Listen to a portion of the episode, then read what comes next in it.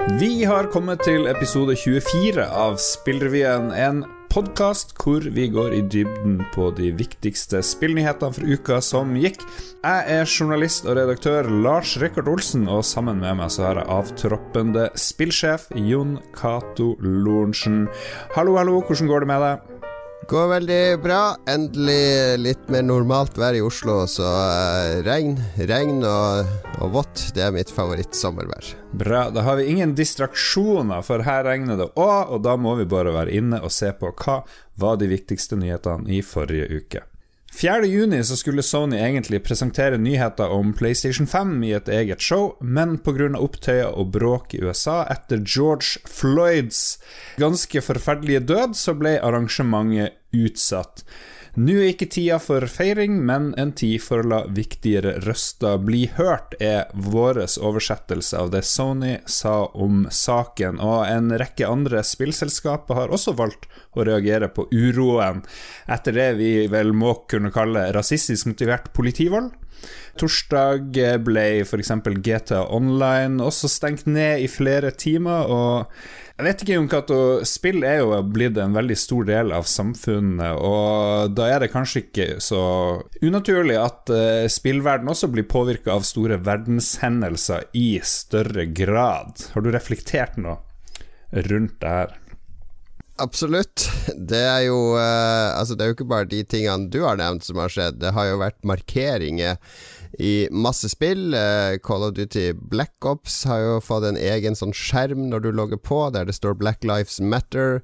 Uh, og mange spillskapere og spillprodusenter har valgt å markere disse demonstrasjonene mot uh, hva skal vi si systematiske uh, rasistiske mm. politiovergrep i USA ved å, å, la være å lansere nyheter, utsette Uh, livesendinger, PC Gaming Show, EA Play.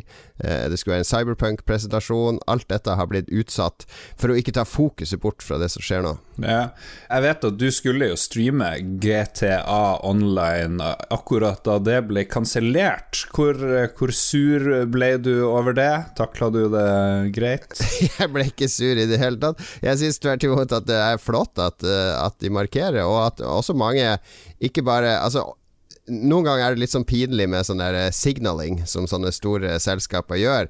F.eks. i pride-måned så skifter man en logo, og så ja, nå har vi liksom gjort vårt. Eh, men veldig mange følger også opp med store donasjoner til disse eh, organisasjonene som hjelper folk med kausjon, eller som jobber mot de, denne systematiske rasismen i USA. Så, så, både EA og mange andre har jo bidratt med, med større beløp til denne saken. Jeg tenker USA er jo veldig viktig for oss i Norge og hele verden, og vi ser det nå med George Floyd-saken, og så ser vi at koronakrisen, som er global, har også påvirka spillindustrien er det her noe vi kommer til å se mer av? At, at skillelinjer mellom spill og resten av verden kommer til å, bli mindre og mindre? Kommer vi til å forvente noen aksjoner politisk under valget i USA, hvor Trump skal mest sannsynlig stille mot uh, Joe Biden og sånt? Kommer det til å komme politiske meldinger der òg, f.eks.? Jeg vet ikke. Det er, jo, det er jo så kritisk nå for verden at Trump ærlig talt må forsvinne. At det ville være veldig rart om ikke denne veldig viktige valgkampen også påvirker spillverden, tror jeg, da. Ja, det er interessant å tenke seg, fordi spill er jo uh, Hvis du ser på sånn som Fortnite nå, som også har valgt å utsette sin nye sesong pga. Uh, det som skjer i USA så er jo Fortnite i like stor grad uh, som det er et spill, blitt en sosial plattform. Uh, når Travis Scott hadde konsert, jeg sier konsert i anførselstegn, men han hadde et event der på 11 minutter der det debuterte en ny låt, han spilte masse eh, flere gamle låter, som var en helt vanvittig produksjon i spillet og der 11 millioner, nei 12 millioner spillere var logga på samtidig for å være med og danse når Travis Scott i sånn gigantisk eh, eh, kjempeform tråkka rundt på spillkartet, og det var masse effekter. Det var et, et, event i et sosialt medie, som Fortnite er. Det var ikke et spillevent, sånn sett. Så når du åpner for at, eh, sosial, at eh, spill kan være så store plattformer for å få fram et budskap Denne gangen var budskapet en ny låt fra Travis Scott er tilgjengelig. Eh, så, så, er det klart at disse skillelinjene kan krysses. Og det er jo noe som vi som eh, ser på spillbransjen, og journalistene som dekker spillbransjen, og kulturjournalistene i Norge, store medier som nekter å dekke spillbransjen, kanskje bør være bevisst på. Vi ser også at uh, nevnte Call of Duty, der uh, lover Infinity Ward, de som utvikler spillet, å gjøre mer for å bekjempe rasisme i sine spill. Og de ruller ut nye systemer som skal slå ned på uønska oppførsel, uh, sånn som drittslenging basert på hudfarge og andre kulturer. Det leste jeg i gamer.no. Det er jo to ting her. En er hvor bevisst er vi rasisme i dataspill, og det andre er jo hvor mye ser spillpressen på rasisme å følge opp dette temaet? Jeg føler kanskje at der har man en, et, et, et, mange muligheter. Snakke med flerkulturelle gamere og høre hvordan er deres hverdag i Norge, f.eks. kunne man gjort. Jeg savner litt de sakene der. Det var jo en større bevegelse rundt Gamergate, eh, altså denne eh, disse to årene der det var en slags kulturkrig som foregikk i, i eh, spillpress og på spillforum. Uh, der spillpressen egentlig prøvde å gjøre ganske mye for å belyse dette problemet med minoriteter eller kvinnerepresentasjon i spill, eller dette giftige miljøet, og ble veldig motarbeida av en liten gruppe høylytte spillere som uh, Strengt tatt var det her en forsmak på den der uh, kjønnskrigen og mye av den der alt-right-bevegelsen mm. som, som, vi ser mye av i nyhetene nå. Så jeg vil absolutt si at spillpressen har vært eh, progressive og forsøkt å, å måle dette. Men eh, noen gjør det fortsatt, men det er kanskje ikke i like stor grad som, som det var i denne perioden. Ja. Nei, jeg føler jo at nå er det på tide å kanskje se litt mer på akkurat det her. Det er veld, veldig bredt, det du snakker om, for det er liksom flere fasetter av det. Det ene er jo inkludering og representasjon i spill. Altså I de aller fleste spill i alle år så har det vært sånn at der du kan lage din egen karakter, så har malen vært en hvit mann. Så både hvis du skal være dame, så må du liksom velge aktivt bort å være mann, og hvis du skal være en annen hudfarge, så må du velge aktivt bort den hvite hudfargen. Så det er jo en signaleffekt som, som har blitt bedre i spill de siste årene. Uh, det, jeg tror det er mer sånn random hvilken karakter som dukker opp i mange spill nå. Men, men det er noe som er innebygd i spillene. Hva slags uh, representasjon finnes i spillet fra spillskapernes side. Og så har du den andre sida, som jo er eh, miljøet som oppstår rundt spillene, og da kanskje spesielt online-spill, der det er konkurranse, og der uh, mange har en veldig toxic som det heter, tilnærming, dvs. Si at de sprer om seg med gift og eder og galle som er en slags videreføring av klassisk trash talk. Hvis du ser enhver boksekamp eller UFC-kamp, så vet du at det er en oppbygging til disse kampene der man slenger dritt til hverandre og skal få et psykologisk overtak. Og denne toxicityen på, på nettspill er dessverre enda verre, fordi du sitter anonym og kan uh, kalle folk for uh, homo, jøde, terrorist, uh, stygge rasistiske skjellsord. Uten at det får noen konsekvenser. I lang tid har det vært sånn. Så begynner man å sensurere ord, og så begynner man å, å lage systemer for å rapportere trakasserende oppførsel, og så begynner man å innføre nulltoleranse, sånn som Activision snakker om nå, som, som er bra tiltak.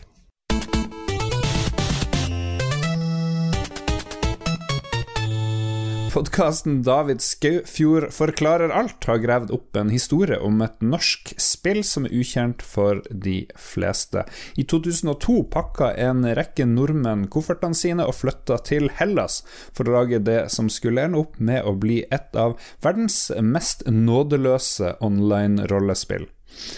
Det som opprinnelig lå an til å bli en drømmejobb, ble ikke helt som forespeila under utviklinga av det som skulle hete Darkfall. Vi spiller like godt et utdrag fra episoden hvor han snakker med tre av de originale spillskaperne Klaus Grovdal, Ricky Sikkenger og Henning Ludvigsen.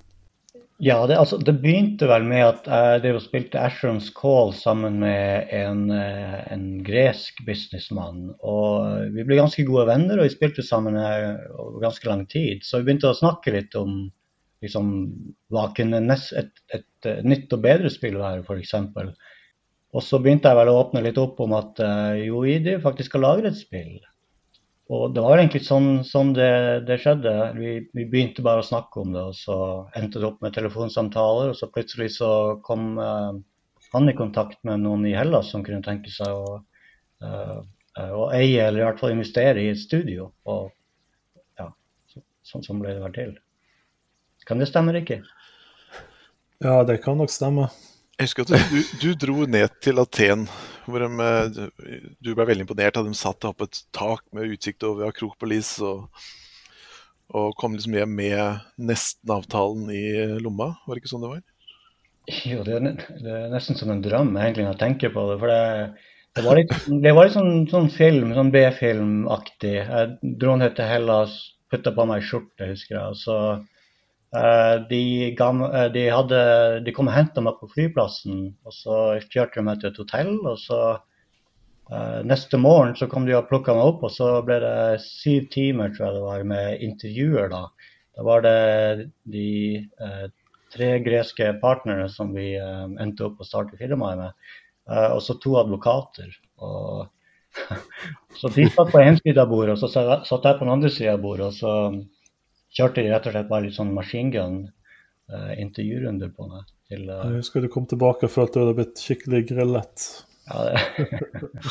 Men alle, alle, som er i skapende yrker, de trekkes jo til det fordi det er et enormt ønske om å skape noe, og så kommer virkeligheten ofte i trynet. Og det som skjer, i hvert fall i min erfaring, midtveis, eller i hvert fall et par år ut i et prosjekt som har dratt ut, eller et par måneder ut, eller avhengig av hvor lenge det er, er at den umiddelbare forelskelsen til prosjektet kan gå over, og det er et eller annet som holder dere gående. Og når har dere liksom ser dere hverandre i øynene på den tavernen og sier gutta, nå har det gått fem år, hva, hva skjer? Var det Eller var dere liksom i en slags sånn øh, blodtåke i alle, alle årene? For min del så var det litt sånn, litt sånn kultaktig. Sant? Vi skulle vise verden at dette her skulle vi få til. Sant? I hvert fall ja. har vi kommet så langt ute i at uh, nå kunne vi ikke feile, nå måtte vi bare få det til. Uansett ja. hva som skjedde. Det er ikke det som kalles Concorde-effekten, når du har liksom investert såpass mye Altså når du ikke slutter fordi at du allerede har investert så mye mer. Så det logiske er å liksom cut your losses, men det, liksom, det lidenskapelige er å bare fortsette å punke på og beskytte investeringen sin. Den effekten var veldig for min del. Altså Når du hadde tippa over fire år, eh, ja. så er det sånn Jeg kan ikke slutte nå, det er bare et halvt år igjen. Ja. og så er det fem år. Nei, vi er ferdig med et halvt år. Uh, mm -hmm. Når man først har tippa over så mye, det, da er det veldig veldig vanskelig å, um, å trekke seg. Altså. Det var uh... jeg, tror, uh, jeg tror vi trodde at det var et halvt år igjen. Helt fram til rundt 2006. Da skjønte mm. vi at ok, det er sikkert ett og et halvt til to år igjen. Ja. Og da var det tre. Og så var det tre, ja. ja. Hvem er David Skaufjord, Jim Jon Cato?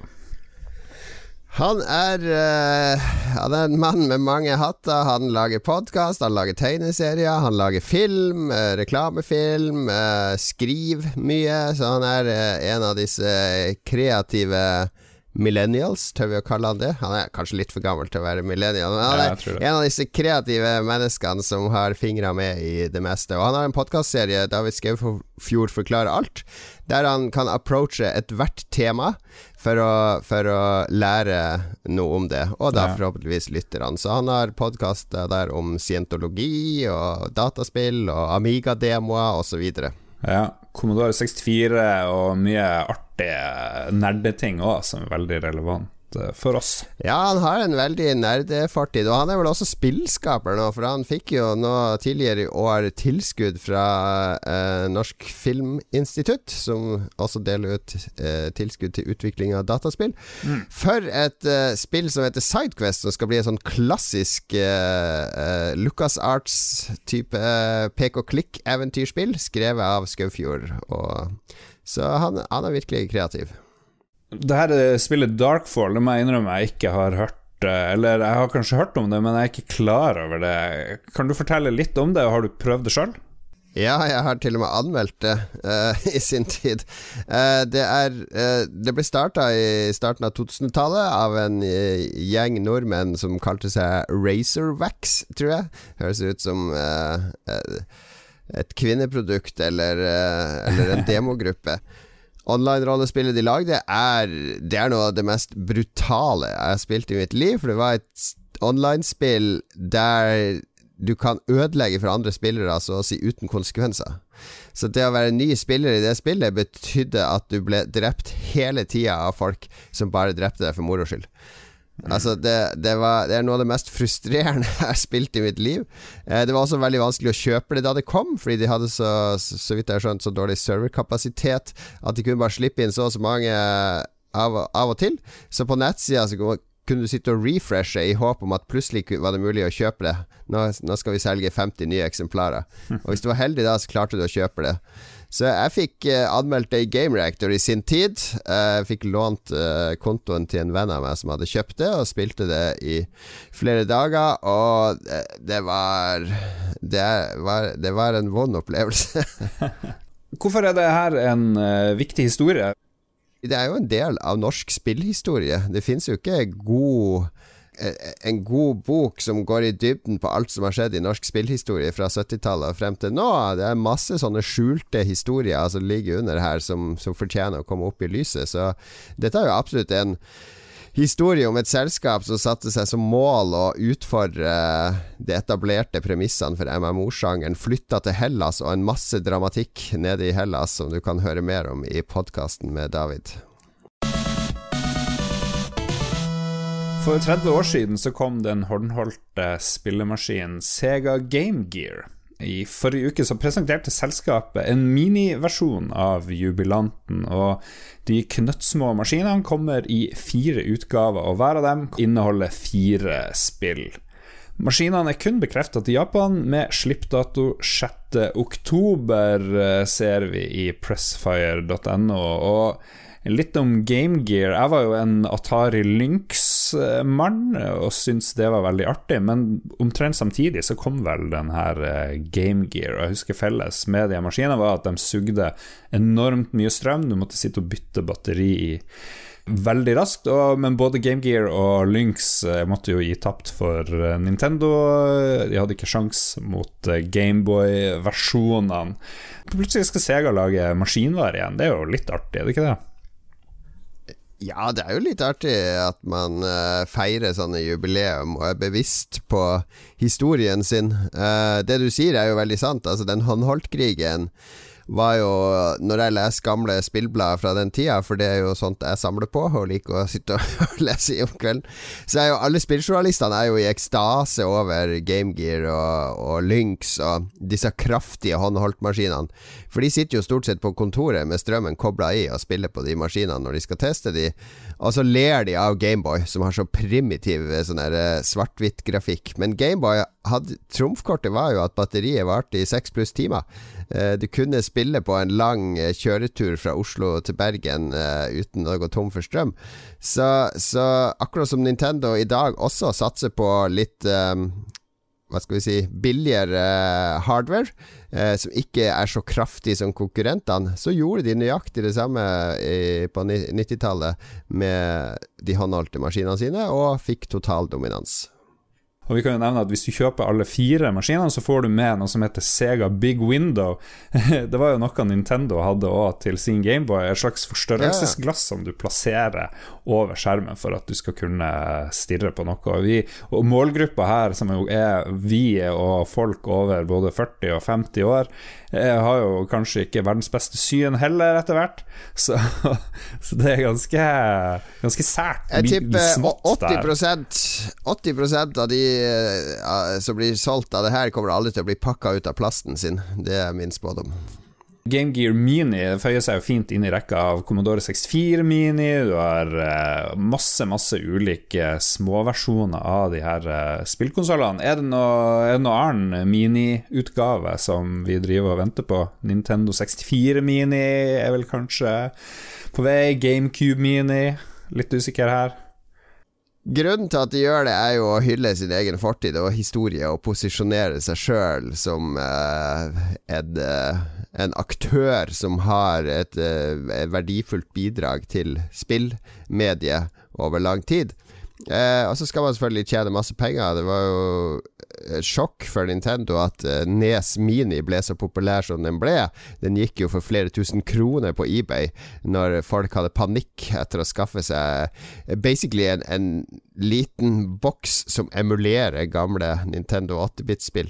Mm. Uh, så, så det, det, her er den der nostalgiverdien, disse retrospillmessene som vi har snakka med i tidligere episoder eh, hvordan de har blitt så enormt populære, handler jo om eh, denne nostalgien for det som var, som vi ser i vinylsamling, og, og mange som, som, er opptatt av kulturuttrykk fra fortida. Så, så spillmediet har liksom Retrospilling gått fra å være noe som noen få eh, litt sånn sære personer som drev med mame og arkadeemulering og, og sånne ting, eh, gått fra å være noe lite og sært til å bli noe stort og veldig populært, og, og, en måte for folk som er interessert i moderne spill, til å holde kontakt med røttene sine og opphavet, og, og, og få mer kunnskap om hobbyen sin, rett og slett. Et bonusspørsmål er Kommer Sega til å vende tilbake og lage mer maskinvare? De er jo i dag en kun en publisher og lager noen få spill sjøl, men så eier de. De har kjøpt opp en del spillselskaper rundt omkring i verden og gir ut sånne eh, fotballsimulatorer og fotballmanagerspill og litt sånn ymse som ikke føles som at det tilhører noe historisk Sega fra Japan, egentlig. Tror du de eh, ruger dem på noen store tanker om å vende tilbake og lage fysiske ting, tror du? Ja, Det er jo et godt spørsmål. Altså, de lager jo masse fysiske ting allerede, men det er stort sett uh, arkademaskiner og teknologi til arkademaskiner. Uh, og uh, der har de ganske mye, så det er ganske stort i Japan fortsatt, den type maskiner. Og de hadde jo en, en Sega hadde nylig en stor annonsering der de annonserte noe de kaller for fog gaming, altså tåkegaming i stedet for cloud gaming, hmm. som er sky eh, lagring i skyen. Så det de mener med FOG, er at de har veldig mange arkademaskiner som står på store datasenter eller arkadehaller i Japan. Eh, og når disse ikke blir brukt, så eh, Tanken er, så vidt jeg har skjønt, at man skal kunne spille på disse arkademaskinene hjemmefra. Altså at man skal kunne cloud game, eller fog game, som de kaller det, på arkademaskinene hjemmefra. Eh, antagelig noe som Sega har snekra i hop pga. pandemien som har vært i det siste, når besøkstallene på disse sentrene har stupt. Når eh, Premier League starter opp igjen for tomme tribuner om en uke, så har Sky Sports bestemt seg for å bruke publikumslyder fra dataspillet Fifa i sendingene fra England. I Sports har på oppdrag fra Sky skapt lagspesifikke rop, sanger og tribunestøy for å uh, gjenskape den levende stemninga fra Premier League-oppgjør, sier de. Debatten eh, raste jo vilt uh, da tysk fotball gjorde det samme, og det ble kalt for juks. Asbjørn Slettemark skrev et sint bidrag om det her, men jeg har funnet noen gamle eh, saker fra NRK. Det var jo òg litt oppstyr da det ble kjent at de legger på falsk lyd under hopprenn, og folk svever gjennom lufta, så er det bare fake. Du har jo ikke noen mikrofon faktisk, Du har ikke noen eh, mikrofon på hopperne som at du kan høre de sveve nedover, osv. Det er ikke noen mikrofon de ved siden av der de lander, og det er ikke noen mikrofon ved siden av stavene til folk som går skirenn, så at du kan høre knirkinga derfra. Så det her har jo skjedd kjempelenge. Ja, det sitter en mann med et stort keyboard, en synthesizer, rett og slett, og spiller lyder mens live mens sendinga pågår. Det er ganske fascinerende. Ja, det er det. Og eh, noen syns jo det her er litt skuffende, fordi de har trodd hele tida at det er ekte. Og jeg hadde samme reaksjon da jeg så det her, at ok, når slalåmkjørerne drar ned tre kilometer med fjell, så er det ikke mikrofoner ved hver enkelt port. Det vil jo koste enorme summer. Og det å mikse sammen lyden, sier jo NRK f.eks., det er veldig vanskelig. Noen steder i løypa står det folk med kubjell og rop og kauker, Andre steder så er det ingen, så det ville blitt veldig oppstykka lyd og veldig rar opplevelse for folk. Så de bare gjør det uniformt og legger på litt sånn fake shit. Eh, men så har jeg vent meg til det her. Tror du folk kommer til å venne seg til fake Fifa-lyd eh, på fotballsendinger? Jeg syns det er artig at de henvender seg til EA og Fifa for å få til dette her. Jeg vil jo tro at enten så må det noen live liksom eh, variere publikumslydene, eller så må det være noen algoritmer. Eh, spillet leser jo handlinga i spillet og genererer publikumslyden basert på hva som skjer på gressmatta, så kanskje det går an å gjøre det samme for en live sending med fotball. Så jeg syns først og fremst det er fascinerende og litt morsomt, uh, men så ser jeg jo jeg syns jo det er kjempeartig når spill og teknologi og sånn uh, får lov å påvirke det vi ser på som tradisjonelle ting. Men jeg, jeg, ser jo også de mer dystopiske faresignalene her. Um, F.eks. i fotball-VM i Qatar, når uh, publikum begynner å rope regimekritiske ting. Uh, skal da uh, produsenten få lov til å fade de ut og erstatte med Fifa-lyd, så det høres ut som det bare er koselig på tribunen? Eh, skal alle land få lov til å lage sitt eget publikumslydspor på f.eks. skirenn, sånn at seerne i Russland hører taktfast roping for eh, moderlandet, og, og, russiske utøvere, selv om det foregår i Tyskland, eh, Frankrike, Norge, eh, skiløpet Altså hvor, når, når, krysser vi en grense hvor uh, det ikke lenger representerer virkeligheten, men blir på en måte propaganda?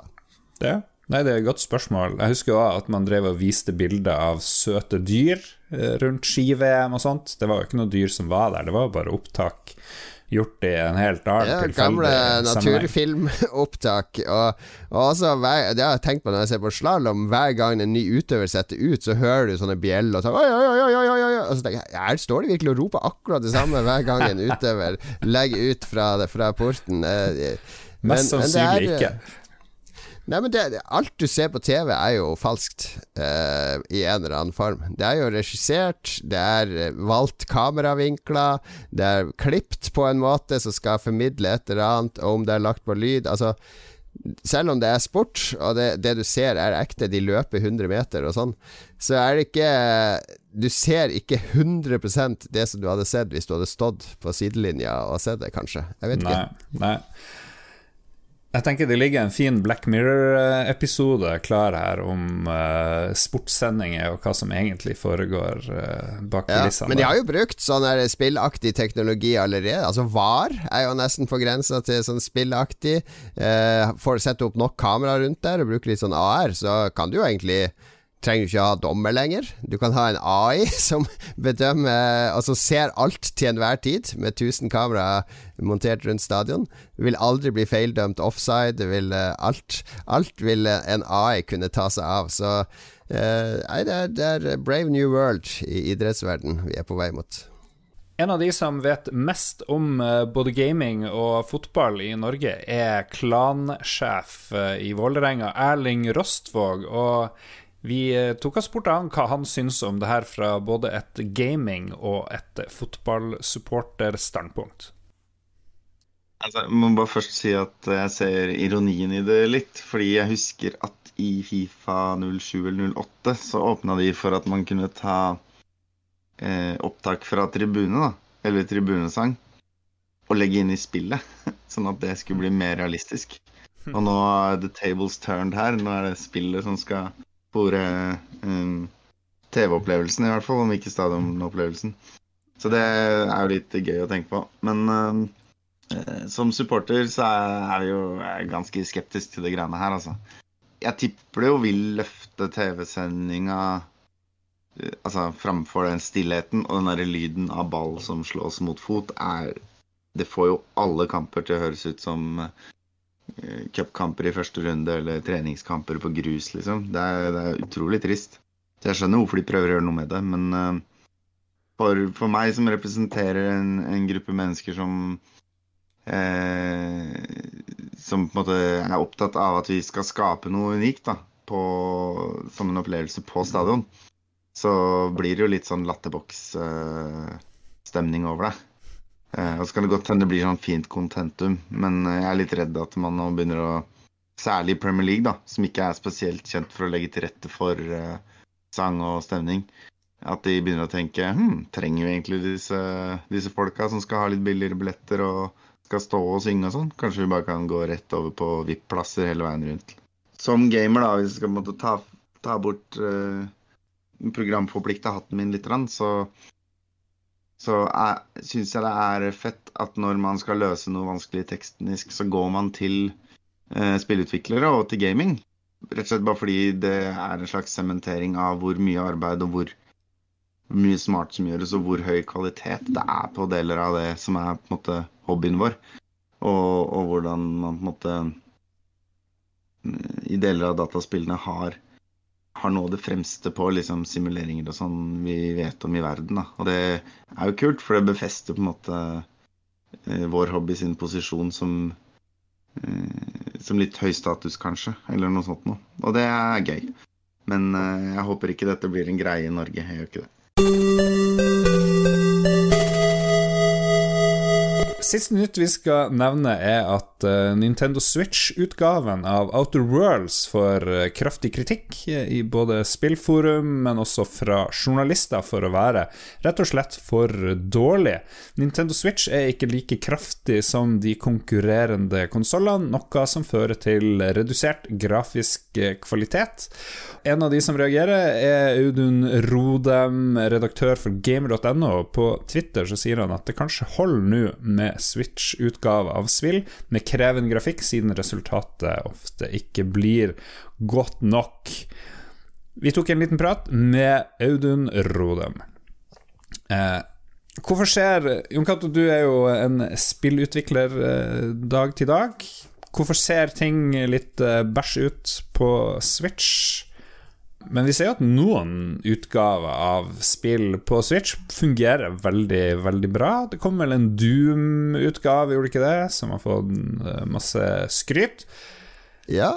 Nei, det går an å optimalisere hvis du bruker tid og krefter på det, men det kan virke som de som har porta Outer Worlds, kanskje ikke har hatt det største budsjettet og tida til å optimalisere alle deler. Altså, da har de tatt en del sånne som i utgangspunktet ser litt voldsomme ut, avgjørelser med å kutte kutta veldig mye grafikk. Eh, veldig dårlige teksturer her og der, så det, det ser litt sånn B-produkt ut. Ja. Eh, samtidig så, så, er jo jeg sånn der eh, puritaner som mener at eh, hvis, hvis, det har så forferdelig mye å si at uh, kvaliteten på grafikken går ned, så er det kanskje ikke så stor kvalitet som ligger bak der uansett, fordi et, et artig spill med artige spillmekanikker vil være morsomt, selv om du må spille det i 480P framfor 4K, liksom. Det, jeg er litt enig i det du sier, Jon Cato. Men nå kommer jo vi fra en tid hvor vi syns eh, Commodore 64-grafikk var helt strålende. Så jeg vet ikke, kanskje unge spillere er, krever mer uh, vakker uh, presentasjon? Men så vet vi jo at unge spillere òg nyter Minecraft på ofte ganske dårlig hardware, så Ja, altså, Roblox spilles jo av Det er jo det mest populære spillet blant barn nå, og det ser jo helt forferdelig ut uh, hvis du ser det med våre liksom grafikkopptatte øyne. Så det har strengt tatt ikke så mye å si. Det er mest spilljournalister og sånne hardcore-gamere som er veldig opptatt av, uh, av dette, og ikke minst uh, konsollprodusentene når de skal uh, inn i ringen og slåss om hvem som har den beste nye konsollen, så er det jo grafikken, grafikken, grafikken som eh, hele tida skal selge inn hvor fantastisk de nye konsollene er. I hver episode så ser vi på spillene som kom i uka som gikk, og denne gangen så har du kun funnet ett spill som du mener folk bør uh, bite seg merke i.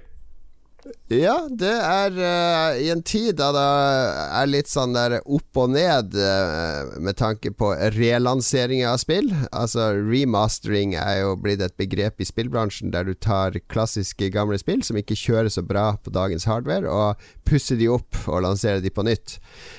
Tidligere år kom jo Blizzard med en uh, relansering av spillet Warcraft 3, som de kalte for Reforged, som liksom skulle være en oppussa versjon, som ble slakta fordi den var egentlig ganske laber eh, kvalitet på. Men eh, nå har eh, Electronic Arts gjort det samme med et av sine klassiske spill, nemlig Command and Conquered, som har kommet i en remastered collection, og som er en helt strålende remaster av det klassiske samtidsstrategispillet, som vi så fint kaller det på norsk. Mm. Har du prøvd det sjøl? Ikke remaster, men jeg ser jo på nettet Det jeg har sett, er jo at folk er strålende fornøyd. Kanskje er det sånn at de var så skeptiske etter Warcraft 3-skuffelsen at uh, de, de, ble glad uansett. Men uh, veldig positive omtaler på gamer.no også.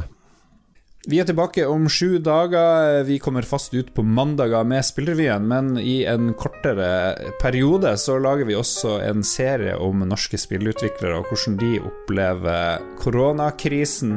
Sist fredag så kom vi med en samtale du hadde med Jørgen Taraldsen i Megapop, som jeg syns var utrolig informerende, hvor han forteller ganske ærlig om den brutale virkeligheten for utviklere som lever Jeg tror det var 50-50 med, med, penger de produserer sjøl for sine egne spill, og, men også gjennom oppdrag kommer de resterende. Og der har det jo blitt ganske brutal tid, Jon Cato. Ja, store konsekvenser for Megapop, som uh, vi vel må omtale om en uke eller to, for da lanseres vel Hexity, uh, deres kort-battler-spill. Uh, ja, så sjekk din feed for Spillrevyen spesial, som vi lager i samarbeid med Viken Filmsenter. For oss som er der hver onsdag, vårt andre show, Lolbua, hvor vi snakker om populærkultur, men også mye om spill. Er det noe folk skal huske på til neste gang? Black Lives Matter.